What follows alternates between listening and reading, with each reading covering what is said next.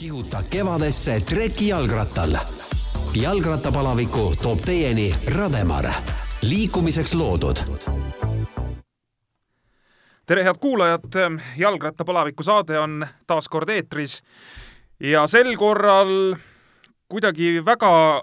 kahtlaste numbritega. nimelt meil on siis kolmeteistkümnes saade, mis äh, mõnede arvates ei ole väga ilus number ja meil on teiseks veel esimene aprill. tänases olukorras esimene aprill kõlab ka kuidagi veidralt. aga midagi ei ole teha, täpselt sellele päevale ja sellise numbriga saade meil sattus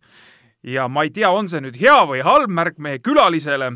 aga tere tulemast saatesse, Allar Tõnissaar! tere, tere! ei, huumori vastu ei ole mul kunagi midagi ja ja ma ütleksin isegi rohkem, et äh, äh minust äh, jalgrattur sai ka pigem äh, tänu sellele, et mulle meeldis see seltskond, naljamehed ja klounid ja tehti tööd ja tegelikult jalgrattasport mulle üldse ei sobinudki ausalt öeldes. Nendest spordialadest, mis ma nagu noorena seal kõik oma valikust läbi käisin, siis äh, pigem ma ütleksin niimoodi Ervin Aabellikult, et igal pool taheti mind edutada, sest ma olin nii andekas, aga jalgratas oli ainukene koht, kus tuli kõik nii raskelt. Äh, muide, mis nalja tegemisse puutub, siis jah, et ega ausalt öeldes annab otsida seltskonda, kus huumorit rohkem oleks kui jalgrattaseltskonnas no teil Pärnus kindlasti, ma ütlen, meil äh, seal Tartu Ünamas tegelikult ka, et, et ei saa öelda, et tõesti noh, see selline raske spordiala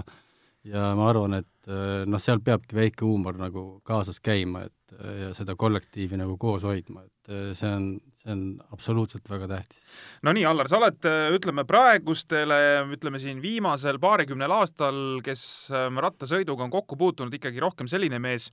kes äh, korraldab võidusõite, on nende asjade juures ja, ja möllab sellega. minu jaoks äh,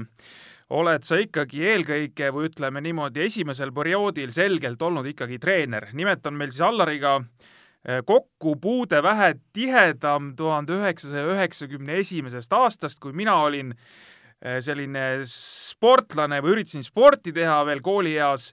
ja Allarist sai üheksakümne esimesel aastal Eesti juunioride koondise peatreener, aga selle me, me jõuame veel selle saate käigus.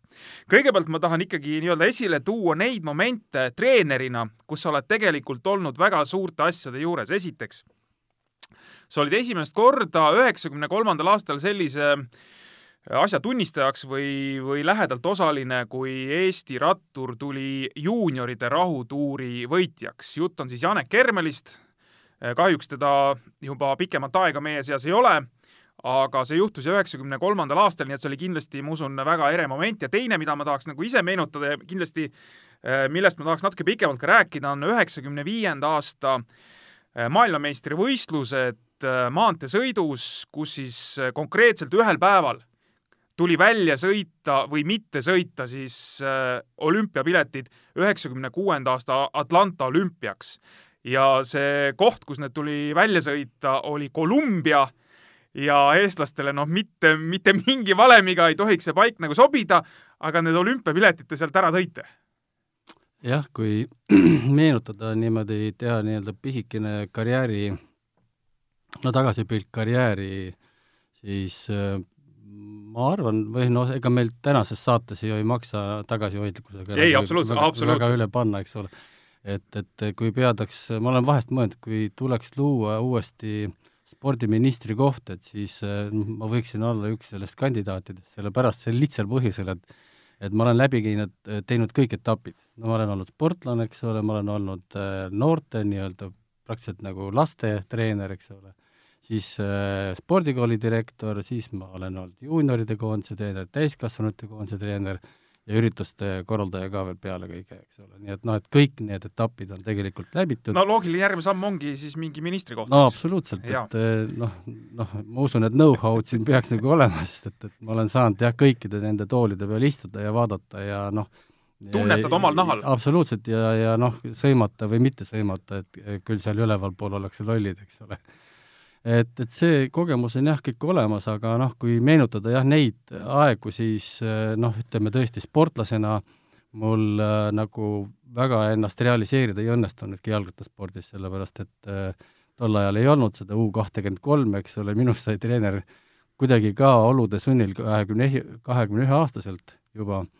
Ja, ja noh, põhimõtteliselt täiskasvanute eas ma Eestis saingi väga vähe sõita, sellepärast et kaks aastat ma olin armee spordiklubis ja, ja kuidagi see viimane aasta noh, enne nii-öelda mahajätmist äh, oli selline, et äh, noh, kuidas, kuidas siin on nüüd öeldud, et äh, et noh, vahest on niimoodi, et vaata ei vea üldse, eks ole, absoluutselt ei vea, eks ole, siis äkki käib nagu klõps ära, eks ole, ja jälle ei vea et noh, no täpselt niimoodi, et noh, kõige, noh, hakkas nagu tulema, eks ole, jälle oli kerge niisugune vorm ja kõik hakkas tulema, siis kas püherdasin, eks ole, päris korralikult või jäin haigeks. ehk kukkusid? jah, ehk ja. siis kukkusin ja, ja või siis jäin haigeks ja, ja siis kõik see, kogu see pull lõppes siis sellega, et mul tekkisid veel isegi südamerütmi häired ja, ja kallis muusalepik ei tahtnud mulle enam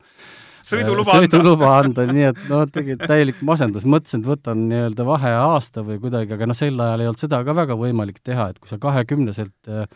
äh, suurmeister ei ole, eks noh, põhimõtteliselt sind väga kellelgi enam vaja ei olnud. ja, ja noh, siis kui ma hakkasin seal nii-öelda ise liigutama, siis äh, Ainsalu Vello tuli ütles, et kuule, mida sa nii üksi siin käid niimoodi, et äh, no võta siis see punt sappa, eks ole, et äh, noh, sinust niigi palju kasu, eks ole et äh, ma tulen lihtsalt äh, vahemärkusena siia ütlen ära, et sa lõpetasid tuhat üheksasada kaheksakümmend üks ja põhimõtteliselt sellel samal kaheksakümne esimesel aastal sa tulid äh, Eesti grupisõidu meistrivõistlustel hõbedale. jah, oli küll nii jah, et noh, sa samal aastal öö,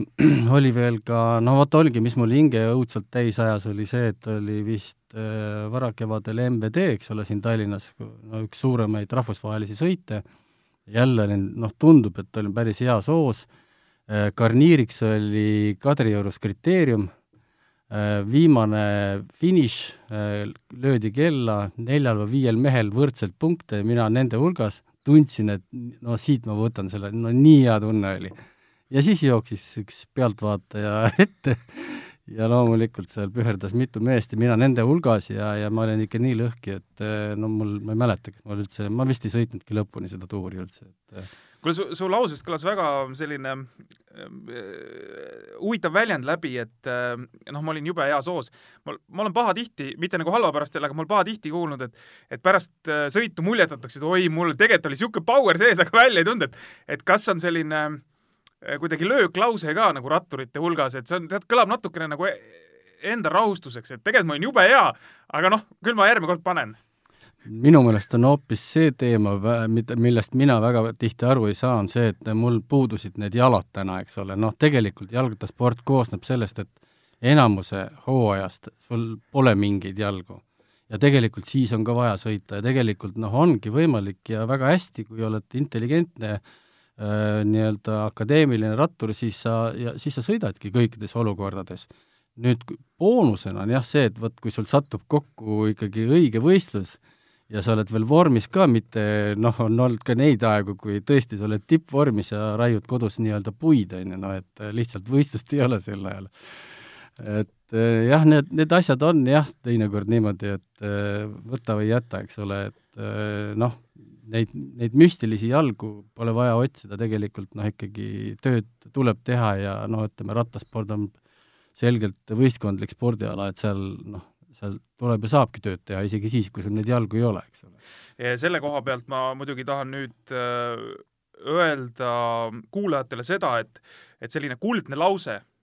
mis sa praegu nimetasid põhimõtteliselt, on sees ka ühes raamatus, mis ilmub või peaks ilmuma nüüd, kui kõik enam-vähemgi sujub, et see koroona meid siin, ma ei tea, päris hupakile ei löö. Riho Suun ja suurmeistrite plejaad peaks äh, aprillikuu lõpus ilmuma ja seal on üks äh, Rein Kirsipuu lause, mida meenutas Aivar Murd, et äh, see oli üks olnud selline lemmikväljend tal. kui keegi kurtis, et ta ei jõua, siis äh, Rein oli öelnud, et kui sõita ei jõua, sõida peaga. täpselt ja ei, selles suhtes ma olen sada prossa nagu nõus, et ja mulle tundub, et mul vedas ka selle keskkonnaga, kus ma nagu jalgratturina üles kasvasin, et see oli üsna akadeemiline seltskond ja ja meile tehti juba väga varas, varajases nooruses selgeks, et tegelikult tulebki peaga sõita. ja, ja meie olime veel see, see õnnelik äh, vanuserühm, kellega koos sündis Tour de Inseberg ma ei mäleta enam, mitu aastat Otepää külje all Otepää külje all, jah, ja see ei olnud mingi naljategemise tuur, see oli ikka noh, minu meelest seal viis päeva ja niimoodi, kus ikkagi sõideti ju peamiselt kruusateedel. Ja oli ikka täielik võistkonna arvestused ja kõik vaheviinised ja no kõik nii, nagu peab, liidrisärgid ja kogu, kogu, kogu see kompott ja teema. ja, ja ma mäletan nii hästi, et äh, ega meil ka, noh, minu treener oli siis Enn Punnek, et äh, et ega meid ka õpetati tegelikult, noh, sel ajal oligi, vaata, kõik oligi rohkem nagu võistkonna peale orienteeritud, see individuaalne oli justkui vähem tähtis Nõukogude Liidu ajal, eks ole. Aga, aga võistkonna võit oli vaja kindlasti ära võtta ja tegelikult noh, kui paberi peal vaadata, eraldi starti vaadata, no siis me saime seal küll lätlaste käest, küll siin äh, ma ei tea, Karlssoni MSK käest saime seal pähe, eks ole, aga tegelikult noh, need, need tuurid me pane, alati kallutasime nagu enda, enda poole peale ära, nii et ja ja teine ala muidugi, millest mul õudselt kahju on, on see eh, meeskonnasõit, mis, mis nüüd täna enam ei ole, aga mis tegelikult on ka nii peen spordiala, et eh, ma ütleksin, et ka noh, ma usun, et ka eestlastel oleks siin võimalusi, sellepärast et äh, et äh, ka see on distsipliin, mida tegelikult tuleb peaga sõita. see oli siis kunagine saja kilomeetri meeskonnasõit, kus neli meest olid äh, joonel, aga, aga Allar ikkagi nüüd räägi nüüd nendest Kolumbiast, äh, Kolumbiast ja, ja võib-olla sa tahad ise ka meenutada mõnda seika äh,, mis treeneri karjääris, ütleme siis äh, see juunioride koondise aeg ja, ja täiskasvanute koondise aeg on, on eredalt, eredalt meelde jäänud no lähme siis järjekorras, tegelikult jah, kuskil seal, issand, ma ei mäletagi, oli see üheksakümmend üks äkki jah, vist äh, sai must juunioride koondise treener, noh, praktiliselt samal ajal, umbes samal ajal tuli ju, noh, olid pöördelised ajad, eks ole, tuli Eesti päris Vabariik, see, see oli julm aeg, tuli Eesti Vabariik, tuli Eesti kroon Äh, raha praktiliselt ei olnud. Äh, julm aeg just selles mõttes, et midagi ei olnud, just mitte, sel-, mitte midagi ei olnud Mm. praktiliselt jah, ja, ja seda kõike oli noh, ütleme noh, mulle tundub, et minust sai rohkem selline nagu administraator, eks ole, esialgu, sellepärast et äh, noh, tõesti mitte midagi ei olnud. ja, ja noh, sügav kummardus muidugi minu nii-öelda taustajõududele, kes tegelikult äh, olid ikkagi ka omas ajas väga kõvad, kõvad mehed, kelle, kellele sai loota, eks seal Priit Kalja mehaanikuna ja seal oli Meelis Albert, eks ole, oli massöörina, oli äh, doktor Rannamaa, eks ole, ka pikka aega käis meiega, et, et niisugused noh, väga, väga head taustajõud ka, eks ole, ja noh, meil oli ju igal sammul oli vaja ju viisasid ja passe ja nii edasi, et see oli nagu, see oli nagu košmaar, et sul ei olnudki nagu väga palju aega nagu süveneda nagu treeneri töösse nii-öelda, noh, kuigi ka sellega saime hakkama ja, ja, ja, ja ma mäletan väga selgelt, kuidas meie esimesed käigud, aa, siis noh, hea sügav kummardus ka äh, Priit Vilbale ja Viklarile, kes siis tuli meile kui koondisele appi ja, ja me saime oma esimesed välissõidud teha ja ja, ja ma mäletan väga selgelt, et ega ega meil seal eriti väga palju asja ei olnud, noh, nii-öelda noh, parematega, maailma parematega ja ja, ja siis lõpuks äh, me saime äh, Saksamaalt äh, ühe väliseestlase, Riho Seminski, kes oli ka kõrge politseiametnik ise. ja, ja tema hakkas meie eest hoolitsema ja leidis meile need kohad seal Saksamaal ja elamised ja, ja siis, siis jäi ära see edasi-tagasi sõitmine, nii et me olime seal, ma mäletan, ikka päris mitu kuud nagu jutti ja, ja, ja sportlased CV-na või sportlase kasvamine hakkaski tegelikult meil sealt põhimõtteliselt peale, sest et et noh, see oli puhtalt rahalised võidusõidud, esimesed korrad keegi tuli seal, ma mäletan, kahe, kahekümne hulka sai kaks temmi ümbrikus, eks ole, metall. noh, see oli muidugi suur raha, aga aga see oli nii-öelda esimene võit, eks ole ja, ja noh, tegelikult aastakese kannatasime ära ja sealt hakkasime vaikselt tulema, tulema ja, ja, ja ütleme, mille üle mul ongi nagu hea meel, et treenerina või treeneri karjäärina mind nagu jumal hoidis nagu kõvasti rohkem kui sportlasena, et et seal tuli ikkagi selliseid õnnestumisi, millel nagu jaa, ja sul tuli, ütleme, selles mõttes ikkagi nagu kasvas andekaid mehi peale ka, eks? absoluutselt. ja, ja et, seal et... oli tõesti noh, ütleme noh, ma ei tea, kadunud Janek Kermel, noh, siin on neid meil noh, ma ütlen, et tänagi veel, kui räägid, tuleb nagu klomp kurku, et et noh, ma, no niisugust talenti ma noh, ma arvan, ma oma silmaga, ma olen küll pikkust näinud, eks ole, oma silmaga ühes rattabaasis seal ja ja Riho Suuna ja, ja nii edasi, eks ole, ja, ja ja siin neid teisi ka, eks ole, kellega koos isegi sõidetud, aga, aga no ma mõtlen, nii haljast ehedat talenti kui Janek, eks ole, Hermel äh, polnud noh, tõesti kohanud ja ta oli ikka nagu päris pöörane ka niimoodi, et et noh, ükskõik kuhu Eesti koondis siis nagu kohe, kui me kohale läksime, siis ausalt öeldes nagu kõik vaatasid juba nii-öelda alt kulmu, et noh, selge, siin, siin nalja ei ole, eks ole ja, ja meil, meil oli selles mõttes ka taktikaliselt väga lihtne, hiljem, kui tuli veel Janek Tombak ja Erkki Pütsepp, et et me mängisime seal väga selgelt kokku ja, ja meil ei olnud, noh, absoluutselt ei olnud probleemi, et me laseme kellegi eest ära, no püütakse kinni, mis siis, Hermel paneb ikka finiši pähe, eks ole, ja nii oligi. Ja me tõesti, me hakkasime sellel raskel äh, ajal, noh, juunioride koondise tasemel juba päris korralikult raha teenima, nii et noh, me isegi tegime nii-öelda äh, kuritegeliku kassa ehk Obtšaki, eks millest siis osteti, kui Hermel väga palju jälle kukkus, eks ole, aga kuna ta oli ka meie, meie kõige parem rahamasin, siis, siis ei olnud probleemi, ostsime kohe uue lenksu või uue pikenduse, eks ole, ja, ja niimoodi see elu käis, jah. Teil, oota, kui me nüüd oleme selle juunioride koondise juures, siis ma mäletan äh, Äh, paranda mind, mis see aasta oli, äkki see oli üheksakümmend kaks või, mm Austraalias. Äh, maru suurte lootustega ja. läksite, aga ei tulnud selles mõttes midagi, et noh, vedas viltu täiega. vedas no nii viltu, noh, see on ikka see Murphy seadus. oli üheksakümmend kaks? kas oli üheksakümmend kaks või kolm? ei, ei, kas kaks okay, või kolm, jah et äh, noh, tõesti, vot üks, üks asi oli muidugi see, et me nagu noh, hooaja jooksul veel väga ei hellitanud ennast mõttega, et me üldse sinna läheme no seda raha lihtsalt ei ole, no ei ole võimalik, noh.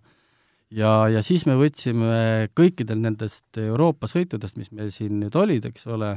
eh, me võtsime ikka nagu päris maksimumi ja, ja noh, mis eriti muidugi meid nagu äh, noh, inspireeris, oli see, et eh, meie meeskonnasõit läks paremaks ja paremaks ja läkski nii heaks, et ega me ühelgi võistlusel alla, allapoole kuuendat kohta ei langenud ja me, ja meie kaotus itaallastele või seal sakslastele või venelastele oli oli, no me ei, kaua võitsime neid, me ka Aa, võitsime Jungad sõitsid seitsekümmend viis kilomeetrit, eks? on ju, mitte sada, vaid seitsekümmend viis ja kolm või neli, neli ikka, eks? neli, ikka neli, ikka neli, jah. Mm. -hmm aga, aga jah, et noh, me, me nagu ei üldse ei unistanudki, et me sinna Austraaliasse satume, kuna see on nii kaugel ja nii edasi ja siis ühel hetkel meie tolleaegne sponsor Tiiu Silves ütles, et no, et mis siis nüüd aga noh, kui te nii kõvad olete, et äh, ma leian selle raha ja lähme käime ära, no ma tahaks ise ka tulla. Ja, ja, ja siis, siis läksimegi. Ja noh, see oli jällegi see, et ega Austraalia on ikkagi ka selline paik, kus tegelikult noh, nagu päris ilma aklimatiseerumata ei saa, eks ole, no meil, meil ei olnud nagu võimalik valida lennukipiletite aega ja niimoodi, et et noh, natukene ma olin juba mures. aga mõtlesin, et et äh, noh, mul on ikka nii kõvad inimesed siin pundis, et äh, küll me saame hakkama. ajavahe neile ei loe, eks? ei, ei, no magavad ainult lennukis, mis nad teevad, eks ole, magavad aga, aga jah, läks kõik viltu, mis viltu minna sai, absoluutselt, sellepärast et äh, noh, seal oli mitu asja, et noh, tunduski, et oligi nii, et, et ähm, noh, kõikidele meestele see aklimatiseerumine oligi erinevatel päevadel ja siis, kui võistluspäev kätte jõudis, siis äh, noh, kuidagi neil oli nagu peast läinud see äh, noh, see, see, see põhiline asi, mis neile kogu aeg oli taotud, pea, te peate teineteist hoidma, noh, peate sõitma nii, nagu sõidab kõige nõrgem mees. ja, ja, ja lõhk on väga, väga ja lõhuti, lõhuti ära ja mul oli kõrval austraallasest, austraallannast pea, üks kohtunik, kes äh, keelas mul kategooriliselt lähemale minna, et noh, sportlastele natukene nõu anda, et äh, ja no lõpuks ma muidugi vilistasin selle peale, ma läksin, ütlesin, aga siis oli juba hilja, et eh, noh, sealt tulid itaallased tulid meile niimoodi vastu, et, et auto, auto, auto kapott oli sisuliselt vastu tagumist ratast ja, ja siis olid veel megafonid ka peal, on ju, et ma ütlesin, et näed, need võida-, noh, et need vaata, mis teevad, aga me võtame nad maha. ma ütlesin, et need võidavad ära, need saavad külla, küll sa näed, eks ole, ei võta te midagi neid maha, no ja ei võt-, noh, nii, nii läks, eks ole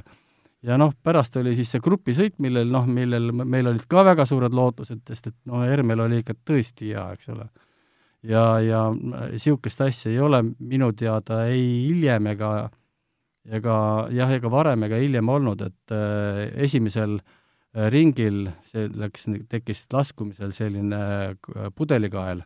ja praktiliselt terve grupp, praktiliselt terve grupp kukkus nii ja seal oli väga raskeid, eks ole, kukkujaid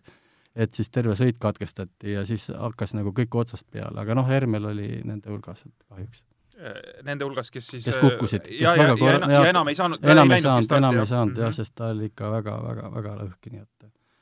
et sinna läks meil siis jah, Austraalia no nii, see oli see kurb lugu nüüd, aga see rõõmus lugu nüüd sealt Kolumbiast. noh jõuame sinna Kolumbiasse okay, ka veel okay., sest et no ma tahaks ikka ära rääkida, kuidas me nüüd, nüüd tuli ju järgmine aasta, seitsekümmend kuus. Ütsep, Tombak. ah õige, jaa, kõigepealt MM Ecuadoris, juunioride MM. juunioride MM ja, ja see, enne seda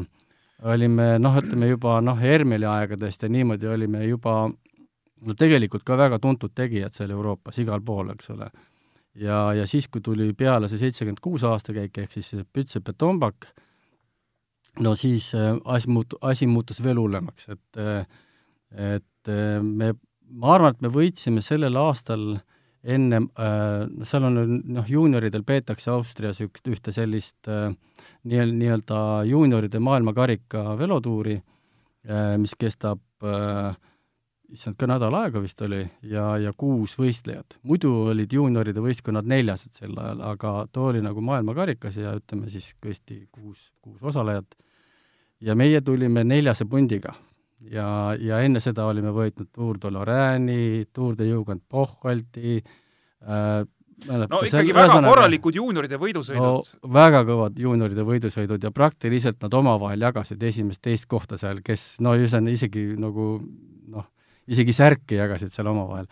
ja, ja, ja lõppes siis sellega, et me ei, läksime siis sinna maailmakarika sellele tuurile Austriasse ja meid ei tahetud isegi peale lasta, sellepärast et äh, võistkond peab olema kuuene, te tulete neljakesi nalja teete või? et, et, et me ei lase teid siia peale, siis ma mõtlesin väga kiiresti, väga osavalt äh, ühe vale välja, ütlesin, et mul on kaks meest, äh, lasti ai piiripunktis kinni, nad ei saa lihtsalt üle piiri, saage aru, noh, Leedu-Poola piir no ja siis ikkagi saime starti ja, ja siis üks päev oli meil natukene raske ja, ja, ja siis peale seda noh, ma ütlen, et ma ei ole nagu jah, treenerina oma silmaga sellist nagu ülemvõimu näinud, no mida nad seal korraldasid, see oli ikka ja täitsa müstika. kuule, seal oli, ma kunagistest juttudest mäletan, seal oli vist, kas oli nüüd selle tuuriga seoses oli või oli see midagi muud,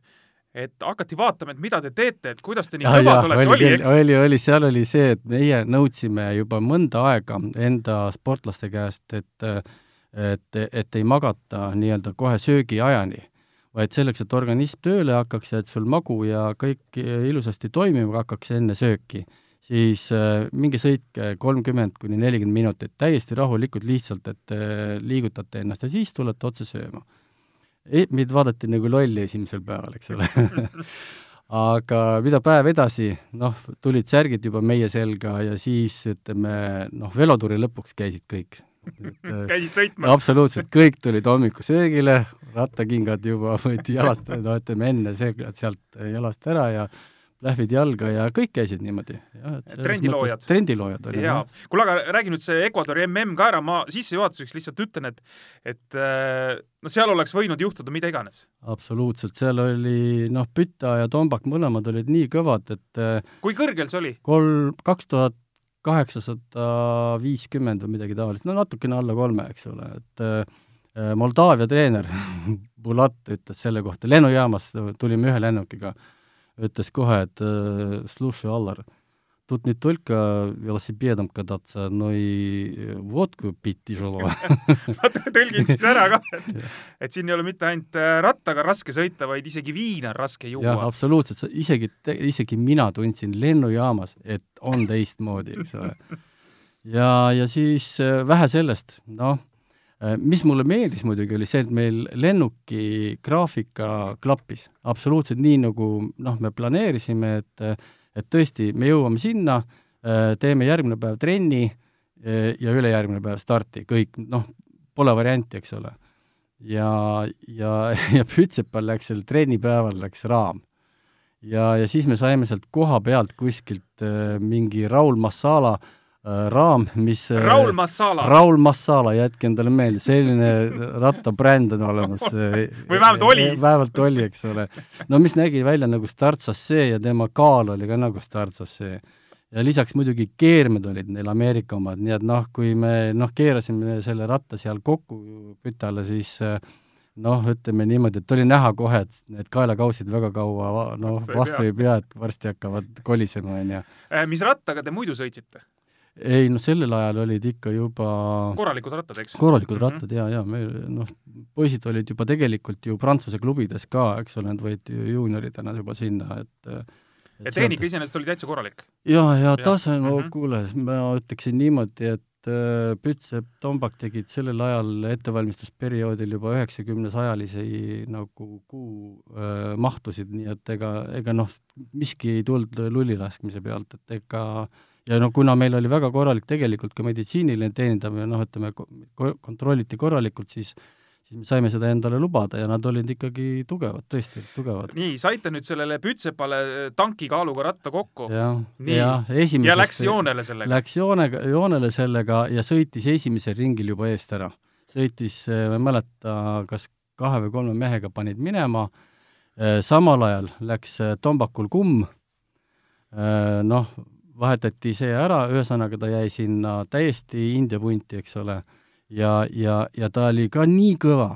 eh, et ta tuli sealt tagant põhimõtteliselt, ronis ette kahekümne neljandaks välja, noh, ka oli täiesti nagu arusaamatu, kuidas sealt, noh, mitte keegi teine ei tulnud sealt tagant enam välja, eks ole.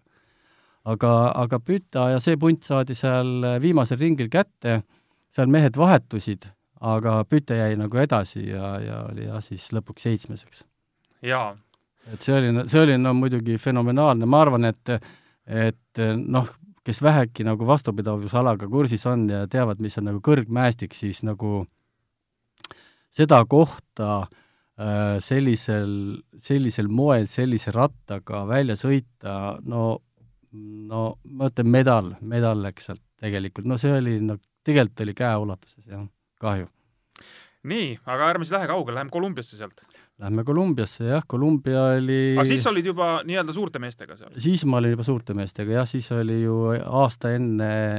Atlanta Atlantat, jah, olin juba suurte meestega. see on nagu viimane olümpia, miks me sellest, ütleme, nii-öelda eriliselt räägime, see oli siis viimane olümpia sellise kvalifikatsioonisüsteemiga, kus MM-il üks aasta enne olümpiat, MM-il tuli need kohad välja sõita, sest järgnevad kõik on olnud niimoodi, et profide hulgas on lihtsalt mehed kogunud punkte hooaja jooksul ja teatud kuupäeval lihtsalt lüüakse see nii-öelda punktitabel lukku ja ongi kogu, kogu moos. aga see oli konkreetselt tol ühel päeval tuli välja sõita. ja see oli veel omapärane sellepärast, et see oli ka viimane kord, kui olid nii-öelda amatööride ja profide MM oli eraldi. just. ja, ja noh, tegelikult äh, samamoodi, et ega meil nagu väga palju selgust ei olnud, et noh, kas meil rahalist võimekust üldse sinna minna on, eks ole, ja ja noh, no toon näite, noh, äh, leedukad olid ju kuu aega koha peal. Aga Bogota linnapea oli välisleedukas. Nii et noh, aga ega, ega nad oluliselt paremini meist ei sõitnud. aga meie häda oli jah see, et meil päris see lennugraafik niimoodi ei klappinud, nii nagu mul Ecuadoris, eks ole, et eh, meile lubati, me maandusime sinna, ma arvan, mingisugune kell üks või kell kaks öösel. Ja, ja meile lubati, et tuleb auto ja mees vastu, loomulikult ei tulnud sealt mitte kedagi vastu siis me hakkasime otsima ühte mikrobussi, sellepärast et noh, väikse autoga ei too ära, see oli kuskil äh, kakssada kilti Bogotast äh, ida poole. Ja, ja, ja lõpuks siis saime selle bussi ja, ja siis äh, hakkasime siis sõitma sinna koha peale, aga no esimene asi, mis masendas kohe, oli see, et et enne, kui bussijuht sõitma hakkas, lõi kolm korda risti ette ja noh äkki te olite nii hirmsad, et ta lõi selle ei, pärast ei, tege-, ei tegelikult seal, seal oli asi naljast kaugel, sellepärast et kui meie sinna jõudsime, siis oli juba noh, oli, probleemid olid nii suured, et okay., et igale äh, tiimile pandi automaator kaasa ja, ja noh, selle, džiibi, džiibi kastis oli vend auto, automaadiga ja sõideti trennis kaasa, noh, see oli, see oli omapärane, jah päris julm. Eh, päris julm. Ja ma mäletan seda, et kui me kohale jõudsime, siis eh, noh, loomulikult kell neli või mingi nii jõudsime kohale, enam und ei tulnud, vaatasin, et üks tuttav nägu, see Lõuna-Aafrika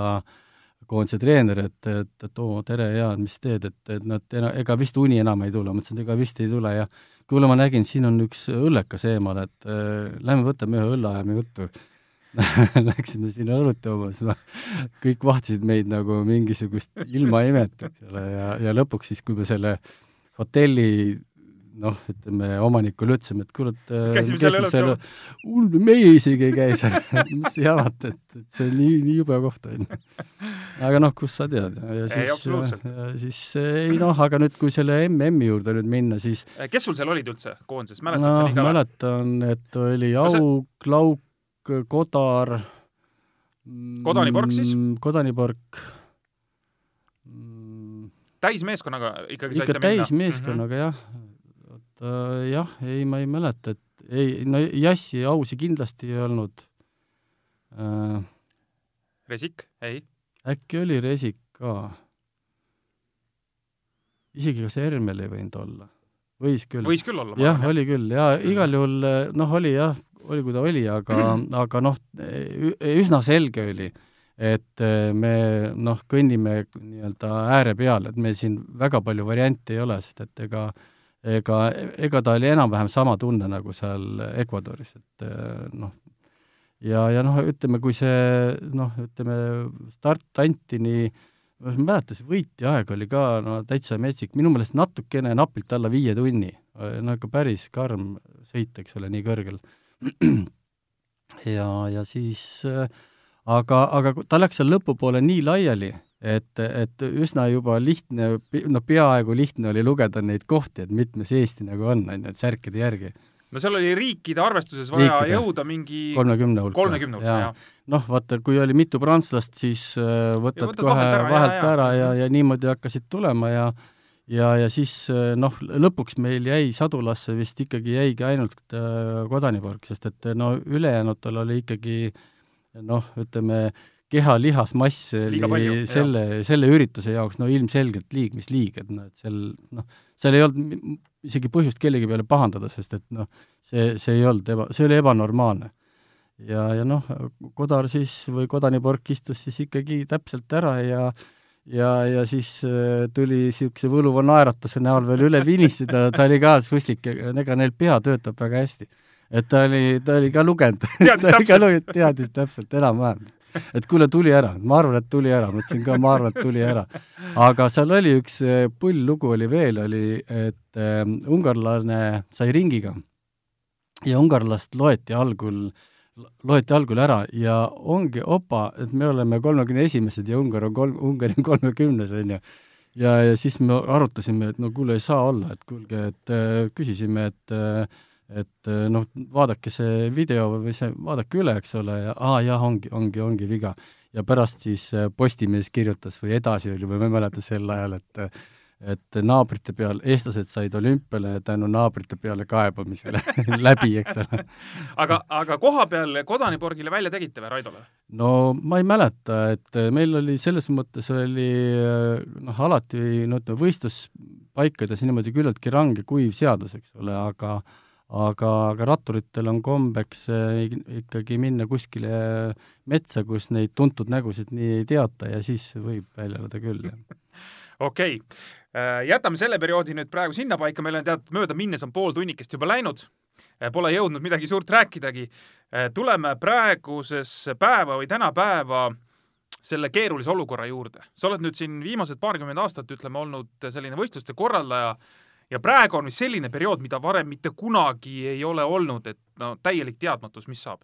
nojah, see on tõenäoliselt äh, maailma ajaloos ka üldse esmakordne ja, ja ma ütleksin siin jälle selle öö, tsiteerin siin klassikuid, et oleks mina öö, enne nii tark kui minu naine pärast, eks ole, küll ma siis ütleks, mis tegema peab, aga noh, kahjuks ei ole nii, et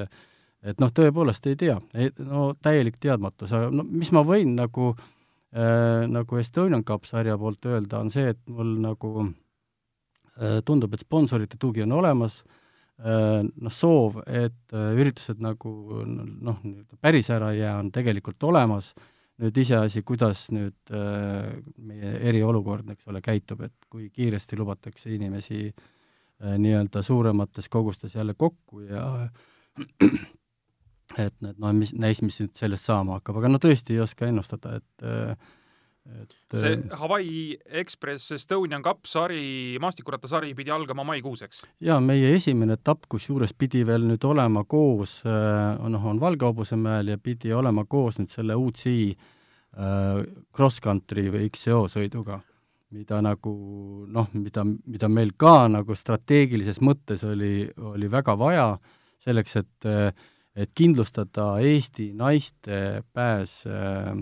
olümpiale olümpiamängule üks koht jah, ja, ja Eesti oli eelmisel aastal täpselt, saigi sinna kahekümne ühe hulka, Eesti sa-, oleks olnud selle arvestusega kindlalt nüüd ütleme, oleks saanud oma esindaja peale. aga mis oli nagu ärevaks tegev, oli see, et meie taga olevatest riikidest oli päris kõvu riike ja noh, tugevaid, ütleme siin Austria ja, ja ja, ja seal Venemaa ja seal, noh, seal oli selliseid noh, tõesti riike, kes kes Kellel kindlasti potentsiaali, potentsiaali nagu, neil on rahvast ja, ja seal loetakse ju kolme parema tulemused kokku, et siis, et noh, mitte midagi juhuse hooleks jätta, siis tegelikult oleks, eh, oli seda UCI sõitu nagu väga vaja. Äh, ütleme, et nüüd need sõidud, äh, vaadates nüüd, mida UCI ehk siis Rahvusvaheline Jalgratturite Liit äh, on teinud, et sõidud on nii-öelda cancel datud või, või ära jäetud, aga osadel juhtudel klauslitega, et kui mingil hetkel nüüd hooajal saab ikkagi sõitma hakata, et siis antakse eelis äh, kalendri mõttes äh, kõvadele klassikutele, mõnele suurtuurile ja nii edasi. Mhm. kas, kas Eestis on kuidagi sama mudel või, või kuidas siin Eestis, ega, ega see on samamoodi, ütleme, jätame siit hooaja algusest nüüd kaks kuud sõitmata, siis kuhu need võistlused panna, lihtsalt ei ole reaalselt panna. ja ega jalgratas ei eksisteeri siin ilmas ju ainukesena, et siin on ju muid suuri üritusi, jooksud ja, ja, ja triatlonid ja nii edasi, et, et noh, kõik see, kui, kui kõik nii teevad, siis tekib teine tohuvapohu, eks ole, teine kaos, sellepärast et ja mis, mis tegelikult tähendab seda, et kõik kaotavad, noh, ütleme see äh, spordi äh, sporti armastav inimene, ta ei jõua igale poole, see on nüüd ka päevselge, inimesi me juurde tootma ei ole vahepeal hakanud siin ja, ja päevi, ma ei tea, puhkepäevi noh, ütleme Vabariigi Valitsuse otsusega ei ole juurde võetud, on ju, seda me muidugi ei tea, et äh, äkki äkki üheksa, äkki üheksa kuu pärast on meil äh, kuule, aga see ongi laine. mõte, kuule, tegelikult ongi, kus see oli, aa, ma tulin just ise äh,, väga huvitav, ma jäingi muide mõtlema selle peale, et äh, Jordaanias käisin ja, ja, ja väga pull, seal on äh, neljapäevani kestab töönädal. ja edasi on siis äh, nii-öelda noh, perega või kodused, kodused just toimingud, et äh, tegelikult noh, ütleme sel ajal peaks ka sama kuskil, et, ongi nädal, töönädal kestab neli päeva ja siis me saame ju nädalavahetuse päevi juurde, eks ole, rahvas saab sporti teha. hea mõte. jaa, et, et siis äkki nii-öelda reede lisandub sellele laupäevale ja pühapäevale, eks no,, spordi tegemise ja, mõttes, ürituste ja, no, korraldamise mõttes. ongi, me saamegi neid üritusi hakata lükkama nüüd nendele kuupäevadele, mida enne ei olnud, eks ole, noh, võib-olla oleks variant tõesti, aga aga ma ütlen ilma naljata, kuskil kümnendal aprillil on äh, Rattaliidu Skype'i koosolek äh, treenerite nõukogu ettepanekul ja, ja tegelikult seal seda teemat just hakatakse käsitlema, et mis nüüd saab, kas me tolereerime seda, et lükatakse kusagile äh, või siis tõesti hakkame otsast ära jätma. noh, ütleme minul kui korraldajal on, on tegelikult äh, soov äh, ikkagi noh, korraldada sellepärast, et äh, min-, minu toetajad on seda oodanud, ma arvan, et äh, ka rahvas on nii spordinäljas, et tegelikult tahaks, aga, aga samas jah, me peame nagu vaatama, kui noh, ikkagi nagu päris ausalt, et äh, kus me nagu rohkem kahju teeme. et korraldajana tegelikult Äh, ka peab vaatama seda, et, et kui sul osavõtjate arv langeb alla teatud kriitilise piiri, siis sa äh, kulutad veel rohkem, sa lähed veel rohkem hävingusse, sellepärast et äh, lihtsalt sa ju, see, kogu see projekt kestab tegelikult aastaringselt, sul on tegelikult aprillikuuks juba väga palju kuulutusi tehtud. et äh, need, need ongi, et kui, kui tuleb seal sada või kakssada osalejat, no siis on äh, kahju veel suurem kui ärajätmise nii et siin on kõvasti mõtteainet. siin on kõvasti mõtteainet ja ega mina ei ole see ainuke tark, et sellepärast ongi hea, et,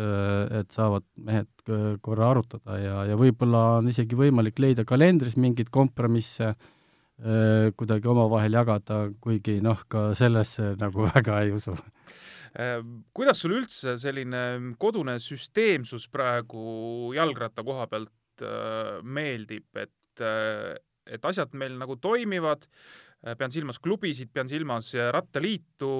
noh, sul on, ütleme jälle seesama, kui sa siin alguses lugesid, et sa oled nüüd kõik etapid siin mingi läbi käinud, pikka aega rattaspordi sees olnud, sa oled isegi, kuidas ma ütlen siis, jälle mitte halvas mõttes, aga kolhooside aegne mees, eks? Lillevere kolhoos. jah, Lillevere kolhoosi laste ja noorte spordikooli direktor olin mingi neli või viis. see oli siis meil äh, kaheksakümnendate keskelt umbes kuni üheksakümnendani, midagi sellist. üheksakümne või üheksakümne üheni kuskil mm -hmm. välja ja, ja ausalt öeldes vot seda perioodi ma tahaks kogu aeg kõigile õppematerjalina ette tuua. ja, ja, ja miks mitte ka tervele Eesti spordisüsteemile. sellepärast, et äh, me väga teadlikult äh, läksime looma süsteemi.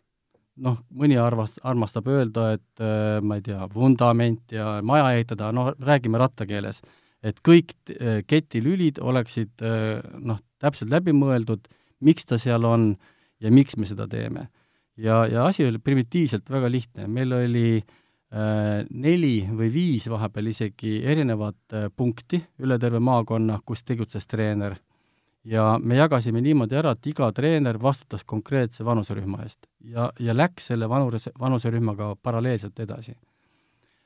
kuni selleni välja, et, äh, et äh, juunioride koondise treener oli Kalev Raudsepp näiteks ja, ja noh, absoluutselt kõik tegid konkreetselt selle nimel tööd, nad teadsid, mis on tema ülesanne, meil ei olnud nagu ühtegi nõrka lüli. ja vot see oligi eesmärk, et küll isegi noh, nad ei pea olema noh, maailma kõige paremal tasemel, aga kui need kõik toimivad, kui kõik teavad, mis nad teevad, siis tegelikult tulema, tulemused tulevad ja ja, ja vahel näib, et kuidagi nagu iseenesest. aga no võtame selle Eesti spordisüsteemi kui sellise noh, ka näitena, eks ole, midagi minu meelest on ka nagu päris hästi siin. ma ei ütle, et siin kõik halvasti või midagi on või ei hakka kohe kritiseerima, aga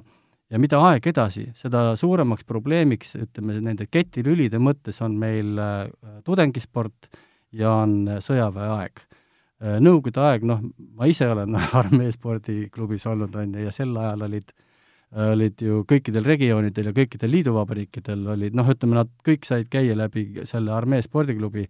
ja, ja eestlased veel eriti oma hilise arengu tõttu tegelikult no oleks nagu ülitähtis, et me ei kaota, me, me toodame häid äh, talendikaid inimesi ja tegelikult me toodame tühja, sest et me kaotame nad ära nad kaotavad, nad lähevad õppima, seal ei ole selliseid võimalusi, nad lähevad sõjaväkke, seal ei ole enam võimalik teha ja ongi kadunud. äkki see on looduslik valik, selles mõttes looduslik valik, et äh, ju siis ei ole seda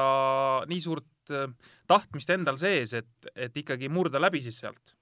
või no, sa arvad, et see, et see teeb ikkagi liiga palju keeruliseks selle olukorra? ta teeb liiga palju keeruliseks, sellepärast et äh, see, see aastane paus, millal ta oma kvalifikatsioonis kaotab, Äh, no, no ma ei tea, rattaspordis on see veel eriti oluline, no kujuta ette, no äh, Mihkel Reimäe olukord. ta kutsutakse sõjaväkke, eks ole, ja samal ajal ta saab oma elu, esimese suure lepingu. et äh, no, no tegelikult noh, peaks siin suutma olla paindlik, mitte keegi ei ole selle vastu, et mehepojad peavad armees ära käima, ma olen ise käinud, eks ole, ja, ja ma, ma olen üldse Vene sõjaväge pidanud väga palju aitama, ka Tšernobõlis, et, et noh, see, see, selles mõttes ma ei ütle midagi, aga lihtsalt see kaotatud aeg ja see, et see süsteem ei toimi, see, et ongi, et midagi kuskil koolispordis või harrastusspordis või niimoodi me teeme justkui hästi, me kandepinda laiendame ja nii edasi, aga vot siis äkki käib niisugune jama läbi ja, ja ongi, me oma talendid lihtsalt äh, kaotame ära. no rattas on vähemalt nüüd äh, nii-öelda Rene Mandri üritanud siis luua seda nii-öelda niinimetatud profimeeskonda, eks? jah, selle kohta ma ütlen samamoodi, et see on, tähendab, mina leian, ma, ega ma ei ole maailma kõige targem, aga ma leian, et see on kõige õigem tee väikestel riikidel, riikidel.. Meil iialgi ei saa olema nii palju rahalisi vahendeid, et et tulla ise üksinda selle profimeeskonnaga välja, absoluutselt, ja, ja ka ütleme, taseme poolest kindlasti. Me peame seljad kokku panema, see on raske, meile need inimesed väga tihti ei meeldi, nad ei mõtle alati nii, nagu me tahame, aga need, meil ei ole valida, meil on sellised naabrid, nagu meil on, aga me peame õppima koostööd tegema. Äh, siin on üks nüanss veel, mida ma ise olen mõelnud, äh, vaata nüüd Eesti ju üritab teha seda projekti, et äh, Team Estonia. kas mitte seesama rattatiim ei võiks olla kuidagi otsapidi ka selle Team Estonia liige. noh, selles mõttes, et, et nii-öelda ära põhjendada, et äh, see on kõige parem moodus äh, seda sporti siin E- Eestis edasi viia et kes kannavad, kellel tiivad juba kannavad, need lähevad niikuinii ära, aga et äh, seda järelkasvu tuleks enam, et, et tegelikult võiks neid otsad kuidagi kokku viia seal. no ongi, hüppelaud on vaja luua, Eesti-suurusel riigil ongi vaja luua hüppelaud noh, kallimasse ja, ja, ja, kõrgemale tippsporti, absoluutselt, see noh, tegelikult peakski niimoodi käima, no ma olen isegi unistanud, okei okay,, no et noh, võib-olla, vaata, unistama peabki suurelt, et et noh, EAS ja nii edasi, kellel on ikkagi kontaktid ja sidemed, ütleme, ettevõtete, Eesti ettevõtetega, kellel on noh, ilmselgelt väga suured huvid mitte Eestis, aga just väljaspool Eesti Vabariiki, et noh, kas või kuidagi noh, jagataksegi ära, et ma ei tea, olümpiatsükliks on vot see tunnustatud ettevõte on vot selle spordiala toetaja ja nii edasi, no ma toon Saksamaa näite kunagi või Hollandi näite, veel parem, Rabobanka, nii palju, kui me üldse teame, äh, Hollandi rattasporti on Rabobank olnud, eks ole, rattaspordi toetaja, eks ole, no et miks mitte kuidagi äh, õppida tegema mingisuguseid noh, valikuid, et millist spordiala või noh, ütleme, me tahame toetada, miks, peame noh, ka iseenda jaoks nagu aru saama, et miks noh, ütleme noh, rattaspordi poole pealt ma võin tuua sellise näite, et Atlanta olümpia eel äh, sai äh, Eesti maanteekoondis tuge äkki oli kolmkümmend tuhat krooni. et äh, noh no samas, eks ole, aga ma ütlen, et te, tegelikult need vennad, kes seal hakkasid käima ja meil ka edaspidi, eks ole, kõik on ju profid ja, ja tegelikult suudavad ja muu maailm ju hoiab neid üleval, nii et noh, ega ma ei kurda, ma ütlen, et no tegelikult võib-olla nii peabki olema, eks ole, aga aga siin on nagu selles mõttes jällegi tõesti jumet sees, et kui EAS näiteks mingitel turgudel äh, aitab noh, ütleme siis niinimetatud riigi rahaga, aitab äh,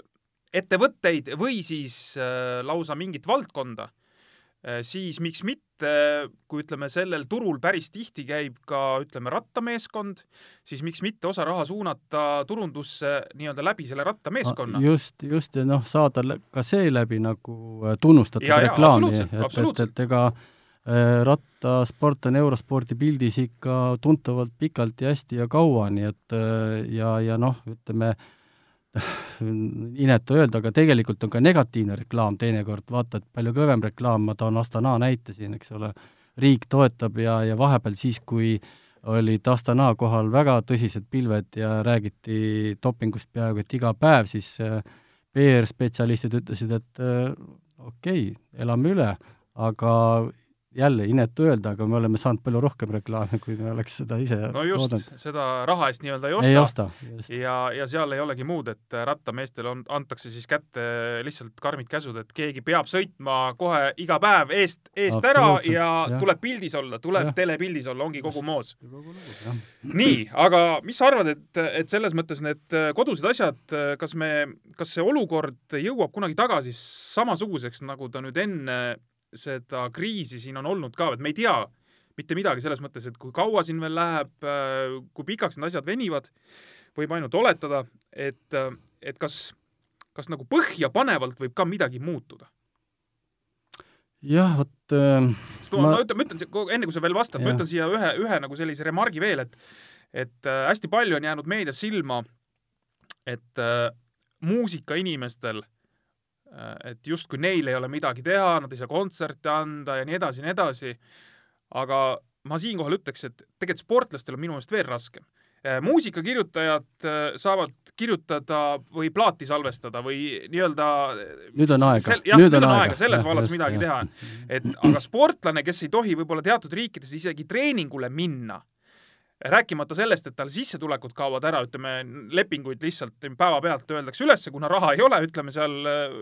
erakapitalil äh, püsivatel klubidel, üle, üleval hoitud klubidel, siis tegelikult läheb kõik jumala nulli.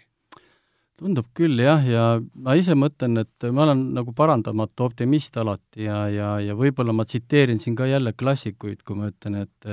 et Andres sõbralikult, et midagi äh, Äh, kaotuste puhul peab omal ka näppude vahele jääma, et noh, et lihtsalt ole nüüd tark ja leia ja otsi see üles, et äh, noh, tegelikult on ka alati niimoodi, et ala, ka sportlasel on alati, äh, sportlane ise areneb kaotustelt õppides rohkem kui võites, eks ole. ja, ja vot siin ongi nüüd ikkagi mõtlemise koht, et mis nüüd nagu, mis nüüd siis selles halvas olukorras üles korjata, et noh, mul mul pole noh, täna võluretsepti välja öelda, eks ole, aga, aga, aga noh, jälgime siin olukorda ja ja tegelikult noh, inimene on sotsiaalne loom, kindlasti äh, sporti nad teha tahavad ja, ja kindlasti ühel hetkel, kui sa oled nagu korralikult ennast treeninud, tahad nagu võrrelda teistega ka, mis seis on, on ju, et, et no ma arvan, sport ei kao kusagile ja ühel hetkel ta ikkagi tuleb tagasi ja noh, äkki meie see kollektiivne immuunsus on ka juba mingil hetkel selline, et, et noh, et seda kõike tegelikult võib hakata tegema, et noh, näis, ma arvan, et äh, ma ikka üritan olla optimist. sel aastal ühesõnaga saame veel, saame veel võistlusi korraldada küll? ma arvan küll jah, ja ma küll noh, tõenäoliselt see maikuu, see UCI sõit äh, noh, see tuleb meil ära jätta ja seda enam, et me ei tea päris täpselt, mida nüüd UCI ka otsustab selle olümpiareitinguga aga, aga kas me kodust võistlust ära jätame, seda ma veel täna ei ütle, et ma ikkagi veel loodan, et äkki lubatakse juba rahvakogunemisi ka sportimisel. olümpiamängudega ka väga huvitav äh, olukord, et lükatigi aasta võrra põhimõtteliselt edasi ja pole varem juhtunud äh, sellist asja sõdade ajal on ainult ära jäänud ja siin suured rattasõidud, mis on praegu ära nii-öelda jäänud äh, aprillikuu omad, ka viimati Teise maailmasõja ajal, et põhimõtteliselt no ütleme, see olukord on tõesti noh, ta ei ole nagu sõda, eks, selles mõttes nagu otseses tähenduses. meenutab küll. aga, aga lihtsalt mingid asjad on nii kinni nagu sõja ajal, noh. on jah, täiesti teistmoodi olukord ja, ja siin selles mõttes jah, vaata UCI-l on äh, võib-olla natuke lihtsam teha neid selliseid otsuseid, öelda välja, et jah, meie prioriteedid on need, et on, on championships ja, ja on Grand Tourid ja, ja ja kui nemad hakkavad kuupäevi muutma, siis äh, noh, that's it, noh on ju. aga, aga mis meie siin Eestis nagu tegema hakkame ja kuidas olümpialased nüüd hakkavad jälle ennast ümber orienteeruma, no ma ei taha nende nahas olla, et ausalt öeldes. et see on kuidagi natukene nagu meie see Kolumbia või Ecuadori mm, et noh, kõigepealt me arvas, arvame, et me üldse noh, ei saagi sinna minna, siis selgub, et ikkagi saab, siis lähme ja lähme ja vaatame, kuidas tuleb ja teinekord tuleb hästi kuule, lõpetuseks, kui me, Allar, nüüd jõudsime ikkagi olümpiamängude juurde kuidagi selle jutuga. üheksakümmend kuus Atlanta olümpia, sa oled ühe korra käinud olümpial? ühe korra, jah. Nonii, räägi nüüd üks mõnus lõbus lugu sealt. sõitsite amatöörid koos proffidega, okei okay,, teil ei olnud kõik amatöörid, teil oli ikka proffe ka ei, juba? meil oli ikka proffe ka ja tegelikult kogu see võistlus oli ju esimest korda koos proffidega. no see oli selles mõttes äh, täiesti teistmoodi võistlus, et äh, esiteks, profid ei olnud harjunud sõitma mingisuguse viiese võistkonnana, et täiesti arusaamatu, ma arvan, nad olid esimest korda selles situatsioonis. ja, ja no meie olime ka noh, ütleme, kuidas ma ütlen, et et jalgrattur on tegelikult õpetatud mõtlema juba mingil hetkel seljaaju tasemel, ta ei hak-, noh, tal ei ole aega analüüsida. ma toongi, ja vot nüüd mul tuli meelde, et ma kunagi seletasin staar äh, spordiajakirjanik Martinsonile rattaspordi iseärasusi seletan, seletan ja Martinson ütleb, et küll, et kurat, see on nagu bridžimäng, ma ei saa aru, et see on nagu bridžimäng rattasadulas ja väga hästi ütles ja tegelikult on ka. ja, ja vaatame, noh, seal ka kõlarid puudusid, eks ole, ja tegelikult minu, minule kui vanakooli mehele tegelikult üldse ei meeldi see, et neid kogu aeg õpetatakse sealt, eks et ole. Neil on kõrva. side kõrvas. Neil on side -hmm. kõrvas ja, ja kogu aeg tulevad autost mingid käsud, et no õppige oma peaga arvutama, õppige noh, tohutu analüüs tegelikult käib, eks jälgige. ole. jälgige, kes ära läheb, mis seis on ja, ja mäletan, et äh, meil oli Atlantas oli ka, Lauriga rääkisime pärast, et oli no täpselt, no nii idiootlik seis oli, et äh, ta läks just, tõmbas äh, sellele Atrõvile järgi äh,, see, no kes eest ära olid. just, grupp, grupp oli eest ära. grupp oli eest ära, see õige grupp, mis, mis pärast jäigi eest ära ja vaatab, ühtegi hispaanlast ühtegi venelast, mida kurat mina pean siin, eks ole, kõige väiksema riigi osaleja järgi tõmbama, tõmmake ise, eks ole. ja, ja ütles, et tegelikult ma oleks jõudnud järgi tõmmata, aga ei olnud vaja, noh, ma ei, ma ei tohi äh, ka ju üle pakkuda, eks ole, iseennast ära kuulutada, et no vai, tulge tehke ka nüüd see ei olnud nüüd see minek, et oleks üksi järgi läinud, ei, aga vedas grupi just, järgi, jah, just, et see, ta oleks selle, selle grupi järgi toonud sinna ja, ja oleks kõik hakanud jälle otsast peale, eks ole ja no vot, siis oligi ja vaatame, et et noh, meid tookord ka esimest korda ei lastud ju autodega, me oleme raja ääres, täiesti raja ääres, no, no mida sa sealt, eks ole, näed. ja, ja vaatame, imestame, no ei ole hispaanlasi, eks ole, no ei ole, eks ole, venelasi, et no kus nad on, on ju seal oli veel kedagi, kes olid puudu, no hispaanlastel olid üldse, no issand, ma ei mäleta, kas Olano ja äh, võis ka juba, oli, oli, oli, oli, oli. oli jah, Olana ja, ja Indurain ja seljas no,, need, nad tulid ju seal eraldi stardis ju minu meelest võtsid kas mitte lausa kaks medalit, aga nad Kolumbia MM-il nad võtsid üldse puhta töö, jah ja, ja, seal nad ja. panid ja üksteise alla, üks pani eraldi stardi, teine pani grupisõidu kinni, eks ole, et et noh, täiesti arusaamatu ja lõpuks ei toodudki ja ei saadudki kätte ja jäigi see punt, eks ole, eest ära ja meil oli muidugi kahju, meil oli ju ka ju Jass oleks võinud finišeerida päris hästi ja ja, ja Lauri ka, nii et noh, natukene noh, ta oli jah, natuke noh, mõru maik jäi sellest, selles mõttes suhu, et tegelikult meil võimekus nagu oli, aga kogu see äh, selle, selle võistluse keemia et noh, oli nagu täiesti paigast ära, no mingid nagu loogikaseadused seal ei, nagu ei kehtinud, et selles mõttes oli nagu, oli nagu kahju. Vot see, see sinu lõppjäreldus sellest nüüd meenutab jälle seda nõukogude aegset asja, et et vaata, see grupisõit on ikka loterii, et grupisõitu ei pruugi võita kõige kõvem mees, aga kui sa näiteks äh, meeskonnasõidus tuled võitjaks, siis ja, sa ikkagi oled suhteliselt kõva mees ikka, on ju. just, oli, oli, oli küll jah, põhimõtteliselt see mentaliteet võis olla küll natukene selline ja aga ja ikkagi, mis mulle väga meeldib, et see see, see meie nii-öelda köök või Tartu Dünamo köök üldiselt äh, küpsetas nagu päris äh, nutikaid äh, võidusõitjaid. sa kasutad nüüd selliseid väljendeid, et tead, siin tuleb hakata tohi, küsima, et mis just. sa selle köögi all ikkagi nagu mõtled no saade hakkab läbi saama ja esimene aprill on ka, et et mis seal ikka, et natukene ironiseerida ka, et aitäh tulemast saatesse, Allar tegelikult ma usun, et siin oleks neid jutte veel, mida, mida võiks äh, rääkida ja mine tea, äkki tuleb äh, üks uus saade loetud kuude pärast uuesti. aga teeme ära jah, et siin jah, tõesti rääkida on palju ja noh, vanad mehed hakkavad vaata lobisema, et siis äh, mulle ju lobiseda meeldib. nii, aitäh kuulamast ka kõigile, see oli siis esimese aprilli saade võite sealt midagi välja noppida esimese aprilli kontekstis ka, kui tahate, aga järgmine kord siis juba nädala pärast. kõike paremat ja püsige terved! kihuta kevadesse treki jalgrattal. jalgrattapalaviku toob teieni Rademar, liikumiseks loodud